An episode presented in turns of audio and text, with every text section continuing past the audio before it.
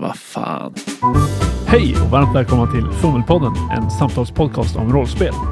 Det här är trettonde avsnittet. Vi pratar om tärningar. Vilka effekter har olika typer av tärningar? Vid vilka tillfällen är det lämpligt med tärningslag? Och framför allt, vilken tärning är egentligen bäst? Då rullar vi igång. T6, nu kan vi lägga ner. Bra, David har sagt sitt. Ja. Edvard? Roll down D20. Okej. Jag heter Lukas. T20 är bäst. Eh, kanske en utveckling av eh, resonemanget. Vi kan väl börja med David.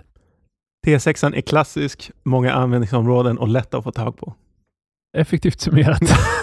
Förlåt, jag vet inte om det här är den riktiga början, men eh, Ja, jag tror det. ja, okej. Det kommer helt klart från att jag är gammal Warhammer-spelare.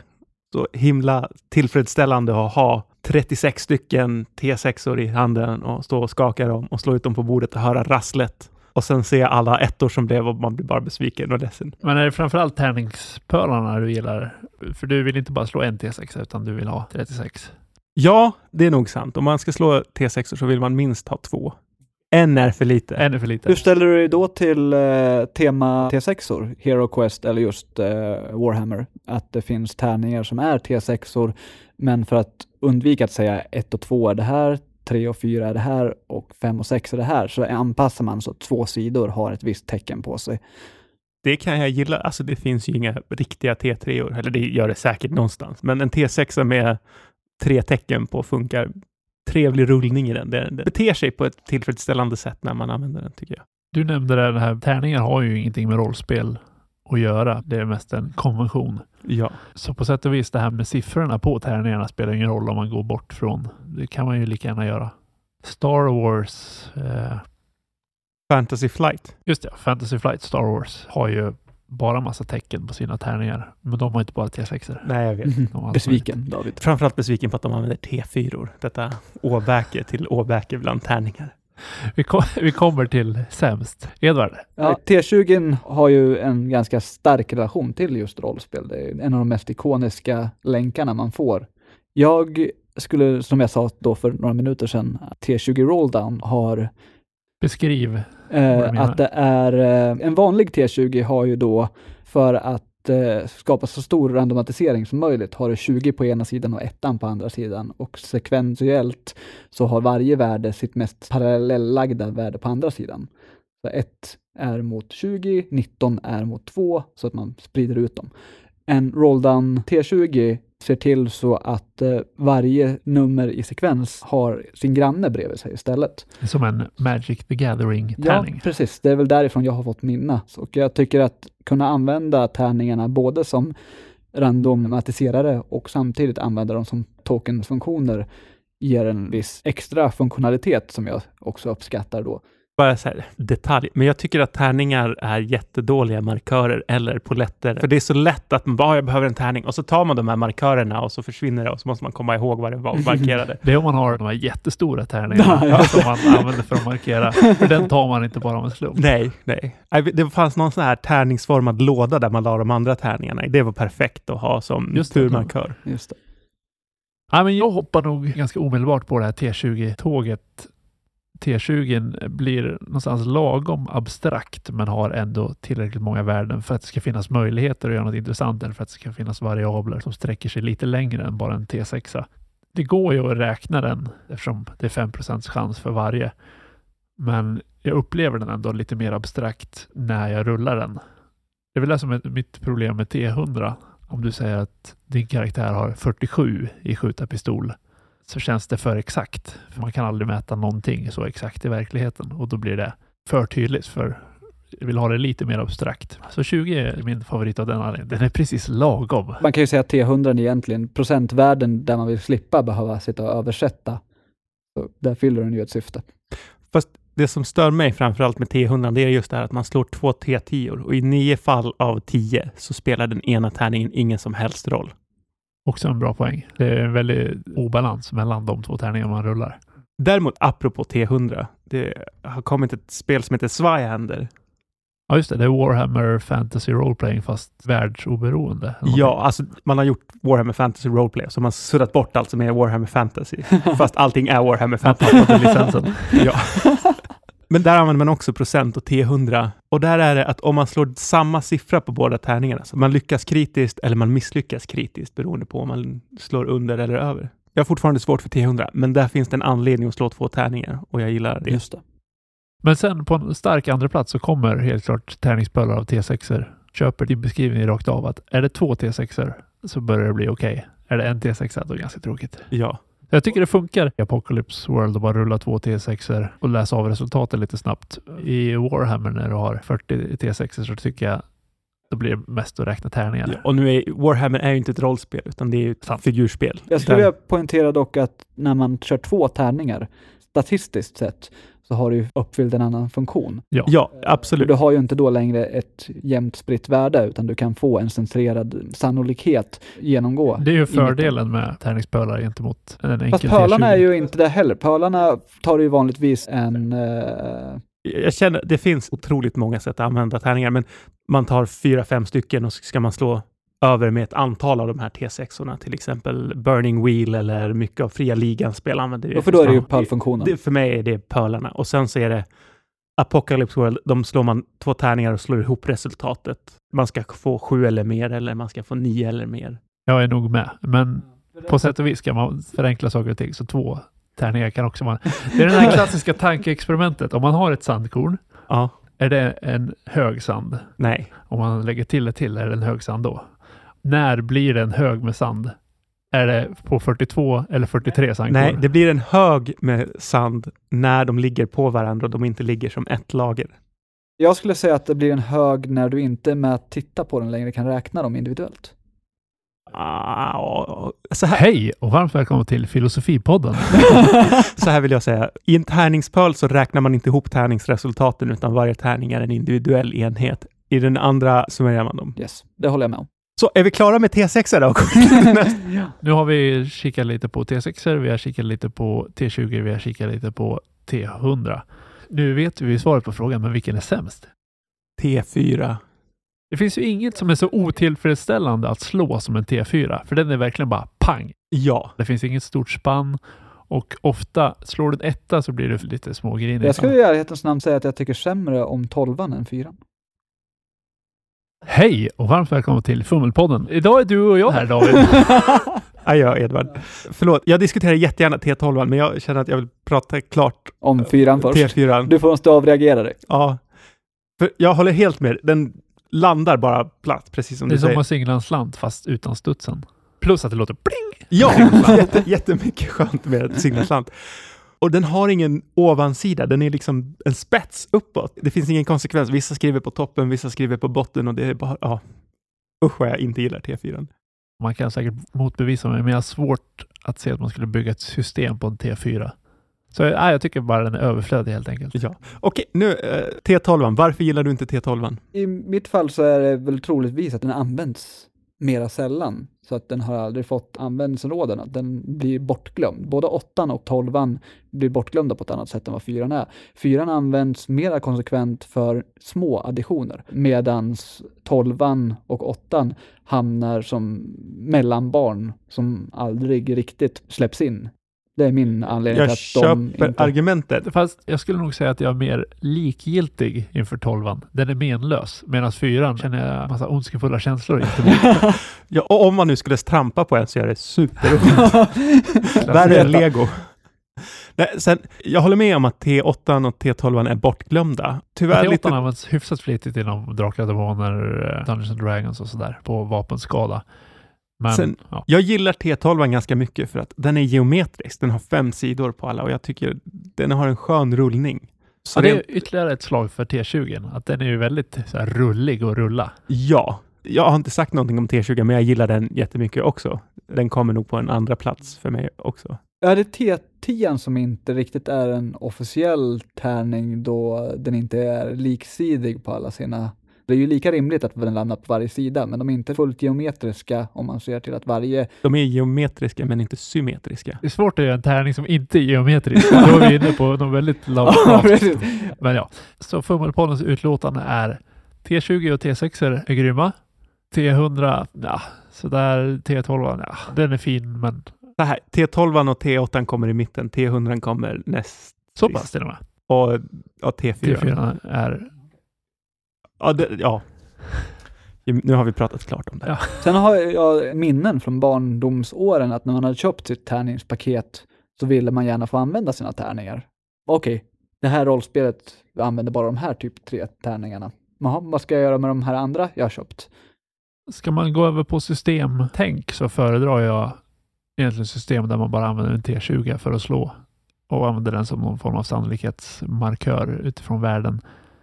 Men jag ser din poäng i att det är kul att använda olika typer av tärningar. Det är väl fördelen med Drakar och Demoner. Därför vanligtvis är det ju vapenskador som... Ja, eller det. Fantasy Flight Star Wars som har olika symboler och kan ge olika effekter.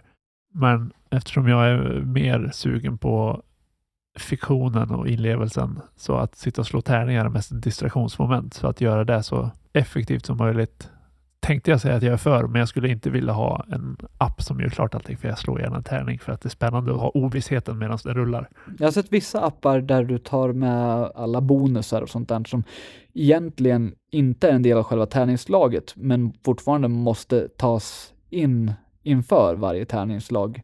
Jag har programmerat, nu när vi har kört lite över Roll20 har jag faktiskt programmerat funktioner som tar hänsyn till bonusar och sånt så att det bara blir ett klick när man fyller i. Men Men det är... Det är ju snarare en fråga om hur ofta man ska använda tärningar snarare än varje individuell tärning. För att eh, ett system som är väldigt bonusberoende saktar ju ner varje tärningsslag. Så ett eh, system där man vill rulla mycket tärningar och ofta får man nog försöka undvika bonuskalkylering. Det är klart att hur man använder tärningarna påverkar hur mycket modifikationer man ska ha, absolut. Det är en balans i själva spelet och speldesign Jo, det är snarare återigen regler- hur reglerna tärningsanvändande. Kan jag... Men eh, du har ju en poäng i att vill man slå mycket tärningar så borde systemet i övrigt vara hyfsat Streamlined. strömlinjeformat så att man får rulla mycket tärningar. Ja, som sagt, det här är bara dum konservatism, men det är ändå en skön känsla att hålla i en liten plastbit och slå den på bordet och höra det här sköna ljudet. Och det är till och med så att i Roll20, jag måste sätta på den här grafiska inställningen och ljudeffekten när man slår tärningar så att det känns mer rätt.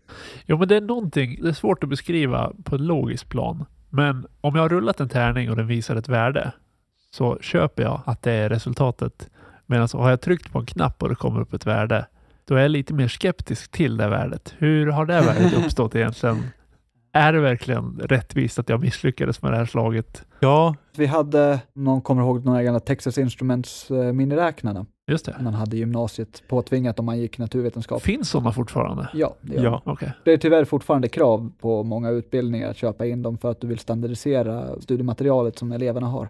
Hej och välkomna till Fummelpodden. Idag ska vi prata om miniräknare. Ja, nej, det jag var Ja. på väg in på är eh, där du var inne på att lita på randomatiseringen. För att i dem kan du programmera in randomatisera 100. Då får du ett värde mellan 1 och 100. Men om du eh, nollställer den så att den är fabriksinställd kommer bägge två av de två miniräknarna som du båda nollställt börja på samma siffra och fortsätta konsekvent hela tiden. För den har ingen ordentlig randomatiseringsmotor utan den har ett hanteringssystem. Det spelar ju ingen roll för dig för att den kommer att ha lika stor chans att uppnå alla de där numren. Men det finns ingen randomatisering tekniskt sett i den Huh. om du hanterar det så. Så det gör ju liksom, om man kan ignorera det så spelar det ingen roll.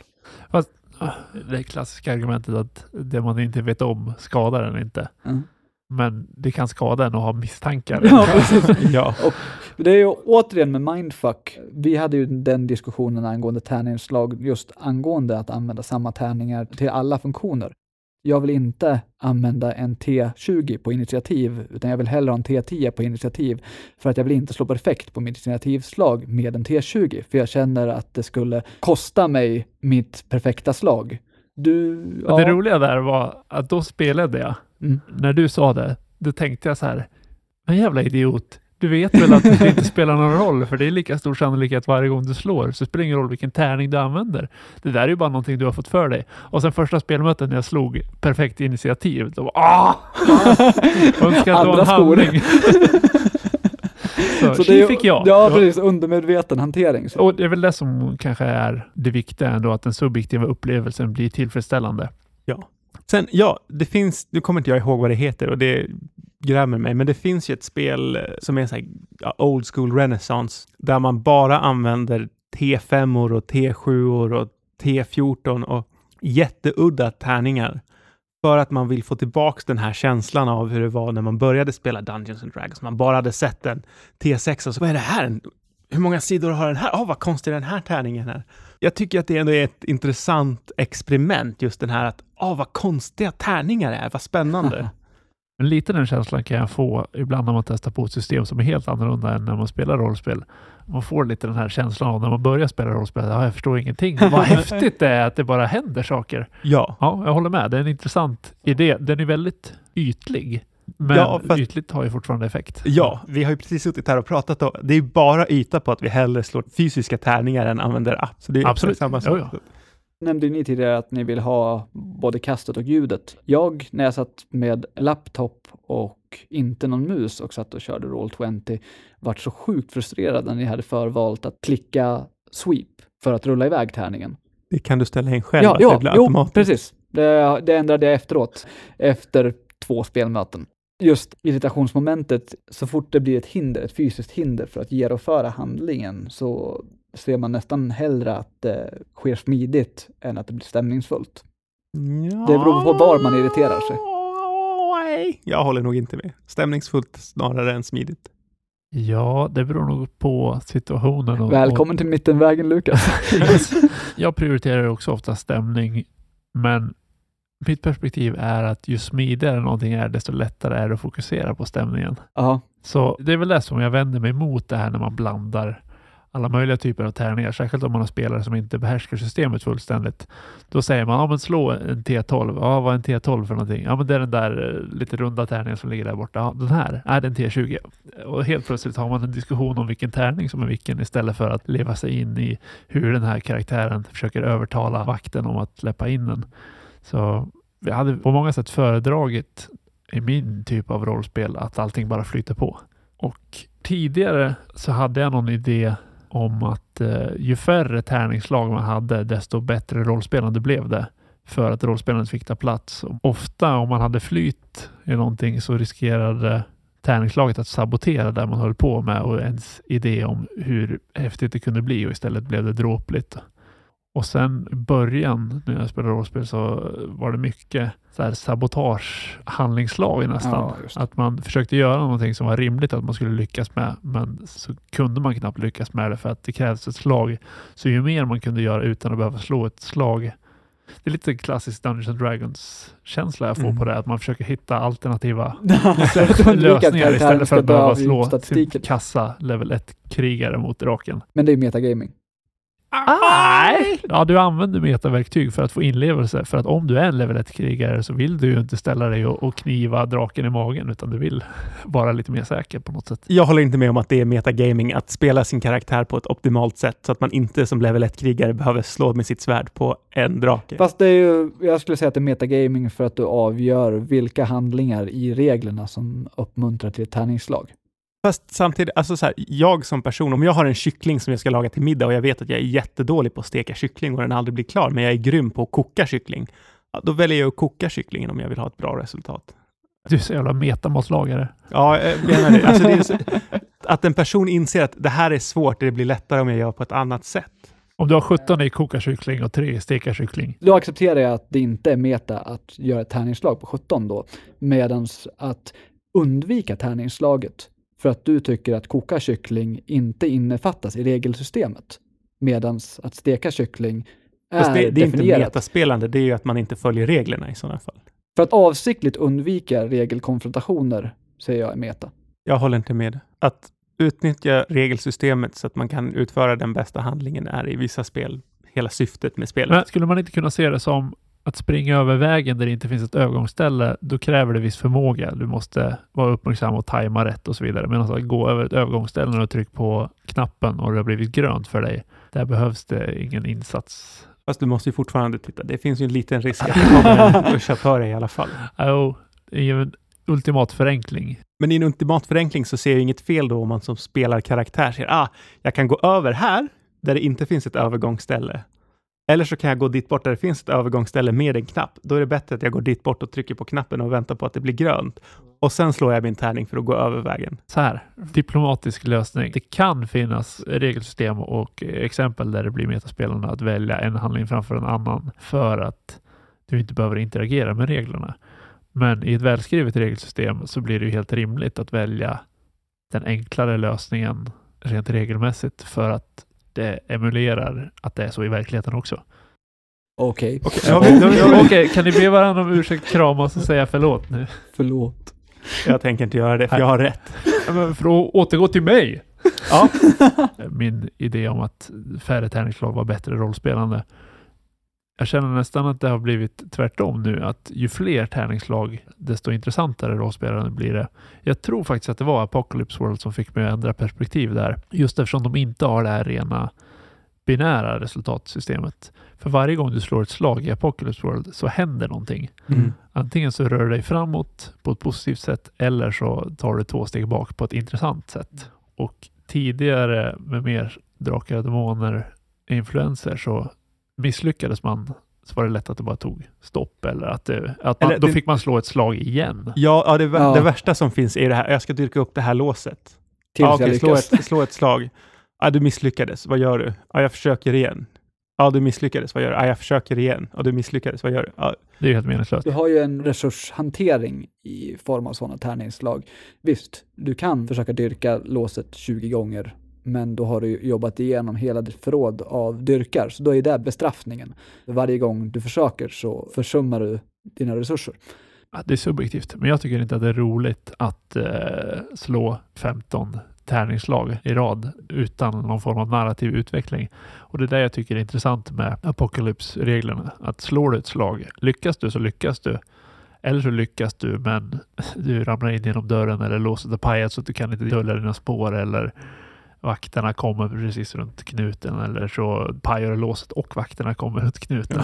Ja, Det händer någonting intressant direkt. mm. Det jag sitter och tänker på är liksom världsrealism i att ett tärningsslag driver fram en händelse som inte fanns. Det finns absolut vikt i det argumentet, men det är omöjligt för rollpersonen att veta allting. Alltså, Ja, nej, om man slår ett dyrka låslag och det dyker upp en vakt för att man misslyckades. Man kan inte som människa veta att det inte är något oväntat som händer.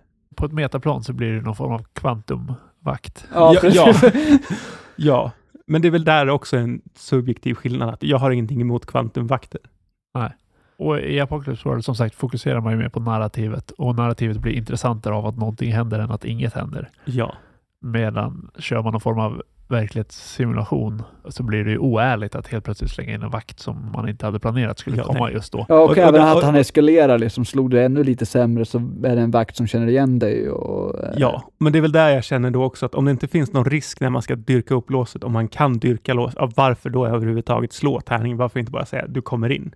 Ja, eller så kan man säga slå ett slag för att se hur lång tid det tar för dig att komma in. Och så har man kanske sagt att tar det mer än fem minuter, då kommer vakten som har skiftet att patrullera där. Och för varje steg ifrån så tar det längre tid, men det kommer lyckas. Och nu har vi verkligen kommit av ämnet. ja, precis. Ja, men jag tänker ändå att det här med handlingslag och tärningsslag hänger ihop och användandet av tärningar och hur det påverkar systemet. För i Apocalypse World, varje tärningslag är egentligen ett vägval. Mm. Det här kommer avgöra, går handlingen åt det här hållet eller går handlingen åt det här hållet? Men vad som än händer så blir det intressant. Ja. Medan med klassisk Drakar och Demoner så är det, okej jag slår ett tärningsslag, annars får jag väl slå ett tärningsslag till. Eller så tar jag lite skada och sen får jag försöka hugga ihjäl personen i alla fall, eller vad det nu är.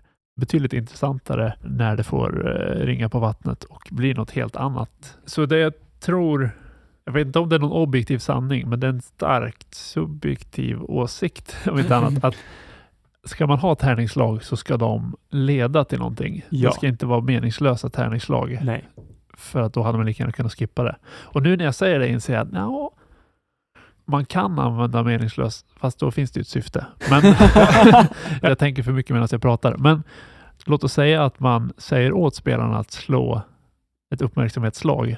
Även om det inte finns någonting att uppmärksamma så kan ju det ge en eh, känsla att de känner sig iakttagna fast de egentligen inte är det.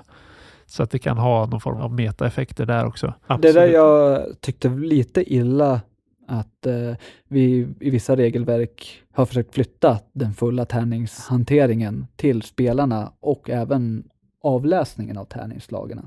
Man vet om man har lyckats eller misslyckats och det är du som slår tärningen. Det tar lite bort orosmoment och mystetiken. Kan det göra, men det får fram en effektivitet och en ärlighet. Det beror lite på vad man har för socialt kontrakt. Ja, jag håller med. Du tänker på så här traditionellt klassiska dolda handlingsslag Ja, när, från när SL spelledaren. helt plötsligt slår ett tärningsslag och säger mm, Ja, det finns ju ett nöje i det också, men jag rent subjektivt, det tar inte ifrån mig någonting att få slå det här uppmärksamhetsslaget själv. För jag kan agera via min rollperson som om att han inte har trott någonting eller Det jag tänkte på var Lukas exempel där du bestämt säger att det inte finns någon som iakttar den, utan du vill resa stämningen att det kanske finns någon där. Om man då har lyckats med sitt uppmärksamhetsslag och du ser ingenting, trots att du gjorde ett uppmärksamhetsslag, det har lite skjutit dig själv i foten. Nej, fall, ja, ja. ett snyggare sätt att hantera det är ju eventuellt att man säger ni känner er iakttagna. Då har man förmedlat till spelarna att det finns en risk att vi är iakttagna. Och då kanske en spelare säger ja, jag vill försöka se mig omkring om jag ser någonting. Och då säger man att det är så här svårt att lyckas upptäcka personen. Eller om de slår så här bra så kan de upptäcka någonting annat som de inte hade upptäckt. Och sen får de slå slaget. Och vet de att de misslyckas så vet de att de misslyckas. Och lyckas de så får de någonting. Det är på sätt och vis roligare rollspelande att spelarna faktiskt får ut någonting av eller kunna påverka eller att det finns slumpmoment än att man bara säger nu ska jag få alla att känna sig itagna men det kommer inte leda någonstans. Jag tycker också att det är en del av, eller kan vara en del av rollspelandet.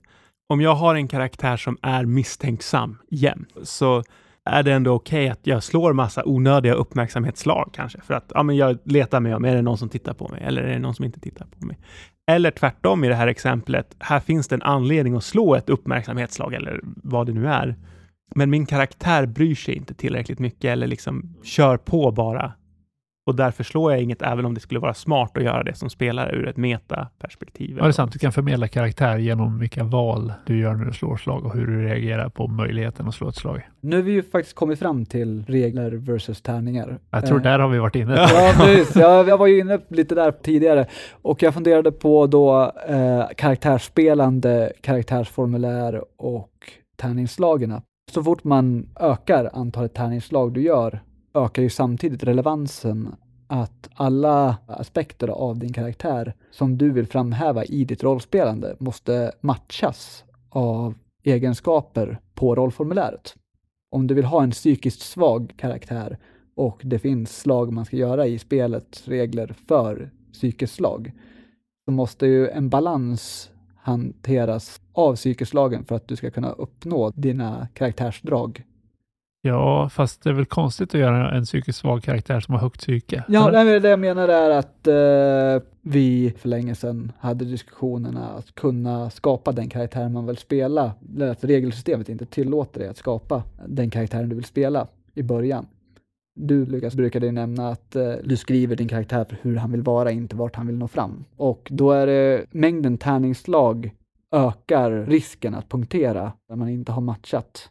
Ja, men där kommer ju återigen det sociala kontraktet in. Att har man sagt att vi ska spela det här systemet och det här systemet är extremt begränsande i vilken typ av karaktär ni kan spela, så bygg inte karaktärer som måste lyckas med sina handlingar för att fungera, eller bygg inte karaktärer som måste misslyckas med sina handlingar för att fungera, utan det här är reglerna. Gör karaktärer som är anpassade efter det. Då gör man ju karaktär på ett annorlunda sätt. Medan om man säger att nu ska vi bara spela narrativt i helt fri form, ni får bete er hur ni vill. Och det innebär att ni kan göra era karaktärer hur ni vill. Ni kan göra en karaktär som kan eh, duellera mot en hel armé. Ja, och jag sätter väl mig lite emot, så här, okej, men om jag vill göra en karaktär som är jättebra på att fäktas, måste man lyckas med alla fäktningslag eller finns det de som faktiskt kan vara bättre eller utnyttja någon svaghet eller bara för att man ibland misslyckas med någonting man är sjukt bra på eller om man ibland lyckas med någonting man är jättedålig på, så ger ju inte det hela bilden av en karaktär. Jag pratade lite om i årskrönikan också att har ändrat perspektivet. Eh, ibland så kan det vara mer spännande att bara se hur det går, även om det blir antiklimaktiskt och även om det blir kast och även om det inte alls går i riktningen man har tänkt, så kan det vara intressantare för alla inblandade. Det kan förändra storyn på ett intressant sätt om man har rätt regelsystem och rätt inställning som spelare. Ja, det blir ju att eh, den psykiska stämningen du lever i karaktären blir, jag vill inte säga förslavad, men blir väldigt mycket beroende av tärningsslagernas framskridande. Fast, Fast så är ju livet också. ja, precis. För tärningsslagen representerar ju omvärlden. Visst, jag har total kontroll över mig själv, men jag kan inte kontrollera allt som är runt omkring mig. Jag har ju tränat kampsport i 15 år och skulle visa världens enklaste övning för några elever nyligen och lyckas på något sätt landa snett med foten så jag stukar foten och haltade i tre veckor. Självgott nog så vill jag hävda att det beror inte på att jag är så dålig. Det beror på att jag hade otur just då. Men det är ju ändå något som kan hända. Och rollspel och livet blir ju mer spännande om det händer oförutsedda saker. Ibland går det bättre än man har tänkt, ibland går det sämre. Ett intressant exempel är ju det senaste äventyret vi har spelat. Så den som var sämst i gruppen var den som räddade dagen genom att besegra alla fiender. Det blev någon form av karaktärsutvecklande, eller det blev en intressant situation bara. Att spelaren hade tänkt att jag är inte så duktig på att slåss och min karaktär är panikslagen. Men ändå är det den karaktären som lyckas ha koll på alla. Och de andra som är krigsveteraner och häxjägare, de bara kollapsar fullständigt under fienden. En intressant grej, både karaktärsmässigt, gruppdynamikmässigt, storymässigt. Hade man bara sagt att eftersom din karaktär är dålig på att slåss kommer den misslyckas när den slåss. Eftersom din karaktär är bra på att slåss kommer den lyckas när den slåss. Ja, då finns det ingen anledning att rollspela nästan. Nej.